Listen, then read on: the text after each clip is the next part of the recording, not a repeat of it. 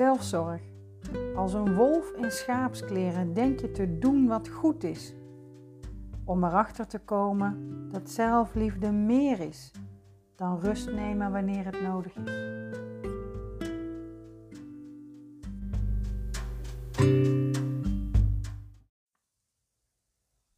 Dankzij onze overvolle agenda's en drukke leven hebben we selfcare hard nodig om op te kunnen laden.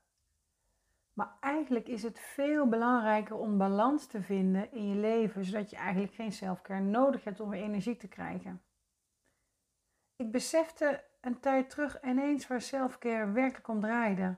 Vooraf voorkomen dat je zo moet uitrusten van je inspanningen en je inspanningen afstemmen op waar je op dat moment staat. Het moment dat je geen selfcare meer nodig hebt, is het, is het moment dat het werkelijk goed met je gaat. In selfcare lijkt een soort verborgen toestemming te zitten. we hebben het steeds drukker en steeds hebben we volle agenda's. We moeten heel veel ballen in de lucht houden. Er zitten zelfs ballen tussen die we helemaal niet meer hoog willen houden, maar toch doen. En we beseffen maar al te goed dat we dit alleen maar volhouden wanneer we goed voor onszelf zorgen. Dus plannen we met regelmaat die massage in. We houden onze kappersafspraken goed bij. Misschien ga je wel lekker naar de schoonheidsspecialisten. Je hebt je vaste bad- en rustmomentjes. En je kan weer door. En zo kunnen we alles aan. De verkapte toestemming van selfcare om te kunnen blijven doen waar we zo goed in zijn. En het is eigenlijk een soort water naar de zee dragen. Selfcare krijgt een steeds belangrijke rol in ons leven. En er is volop keuze. Op elke hoek van de straat is wel een plek te vinden waar jij op de meest uitdagende, vernieuwende of ontspannende manier tot jezelf kan komen. Van floten tot retretes diep in het bos. En anders is er wel overal een coach, therapeut, psycholoog die, die je kunt vinden die jou daarbij helpt. Alles om je weer te laten verbinden met jezelf. En ja, dat zijn ook echt wel dingen die goed werken. En diepgaand ook zeker. Uh, zeker wanneer je daar je eigen bewustwording bij optelt. Maar toch houd je jezelf ergens voor de gek. Want hoe hard heb jij die selfcare wel niet nodig? Wat gebeurt er met jou als die selfcare wegvalt? Hoe ga je de week weer in na die retraite? En waar kom je weer in terug? Wat creëer je in jouw leven dat de selfcare een noodzaak is geworden? Hoe zou jouw leven eruit zien zonder selfcare? Als je door deze vragen, uh, als je voelt dat de adem je benomen wordt, dan nou zou ik in ieder geval even verder luisteren. Maar dan, zit er ook, dan, dan klopt de balans ook niet tussen wat jij doet en de selfcare. En ehm, of je dus de selfcare wel goed inzet kwam ooit een uh, kaartje tegen, of een uh, post, ik weet het eigenlijk niet meer. En er stond op keihard werkers, keihard uitrusten. En toen dacht ik, oh ja, dat. Nou heb ik het recept. Nou snap ik het. En inmiddels eh, kon ik me op een gegeven moment ook geen leven zonder selfcare meer voorstellen. We moeten goed voor onszelf zorgen. Dat is toch waar we ook steeds op gewezen worden in deze tijd.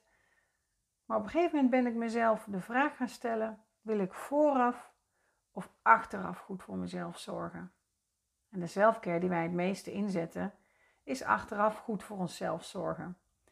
En ik was eigenlijk altijd wel trots op mezelf. Oh, en ik, ik plan alles goed en ik doe het allemaal goed. Maar op een gegeven moment kwam er een moment dat mijn zelfcare wegviel. En toen kwam ik in een soort paniek terecht. En toen dacht ik, dit is niet goed. Hier eh, klopt iets niet. En toen ben ik gaan nadenken, oké, welke les leer ik hiervan?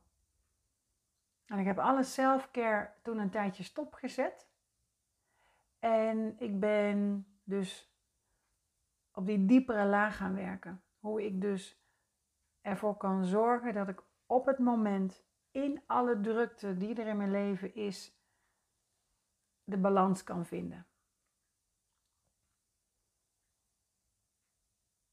Toen het dus bij mij wegviel, dacht ik, ah, maar dan gaat het helemaal niet meer goed met me.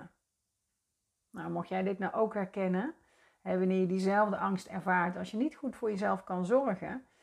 Of dat nou om geld gaat, dat je, eh, dat je het geld er even niet voor hebt, of omdat je ziek wordt. Ehm, of wanneer je gewoon niet voldoende tijd hebt om uit te rusten van al je activiteiten. Nou, hm, hoop ik dat dit een eye-opener is. En voel dan tot diep in je ziel hoe belangrijk dit is.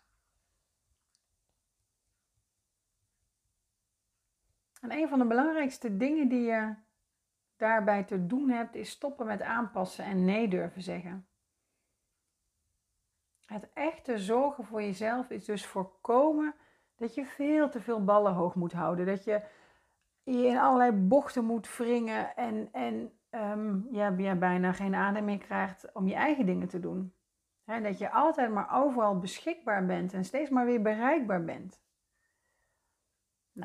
Nou, belangrijke dingen hierbij zijn nee zeggen, grenzen stellen, stoppen met aanpassen, luisteren naar jezelf en je lijf.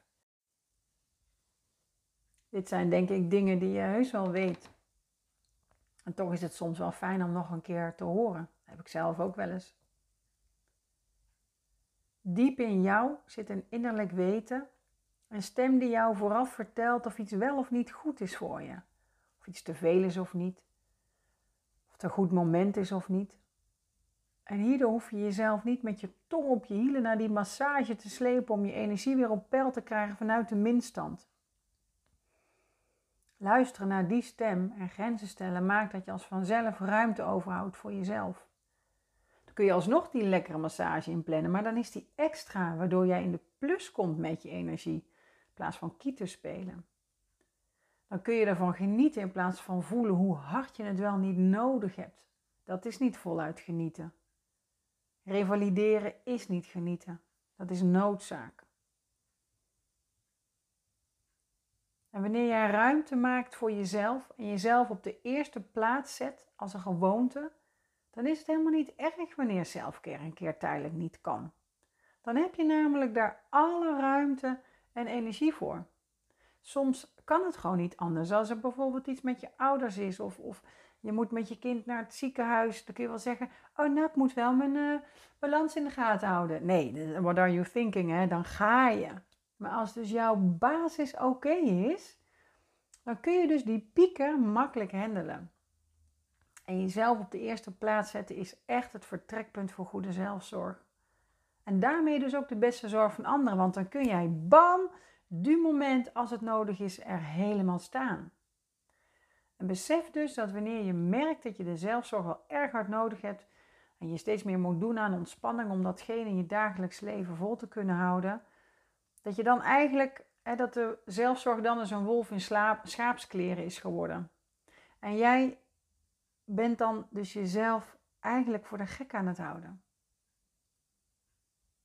Wanneer je niet meer afhankelijk bent van zelfzorg in de vorm van ontspanning, dan ben je pas echt vrij en kun je genieten van alles wat je creëert in je leven.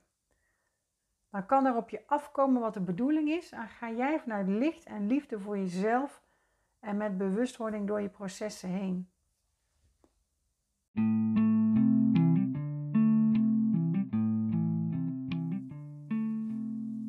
Van struggle naar sparkle.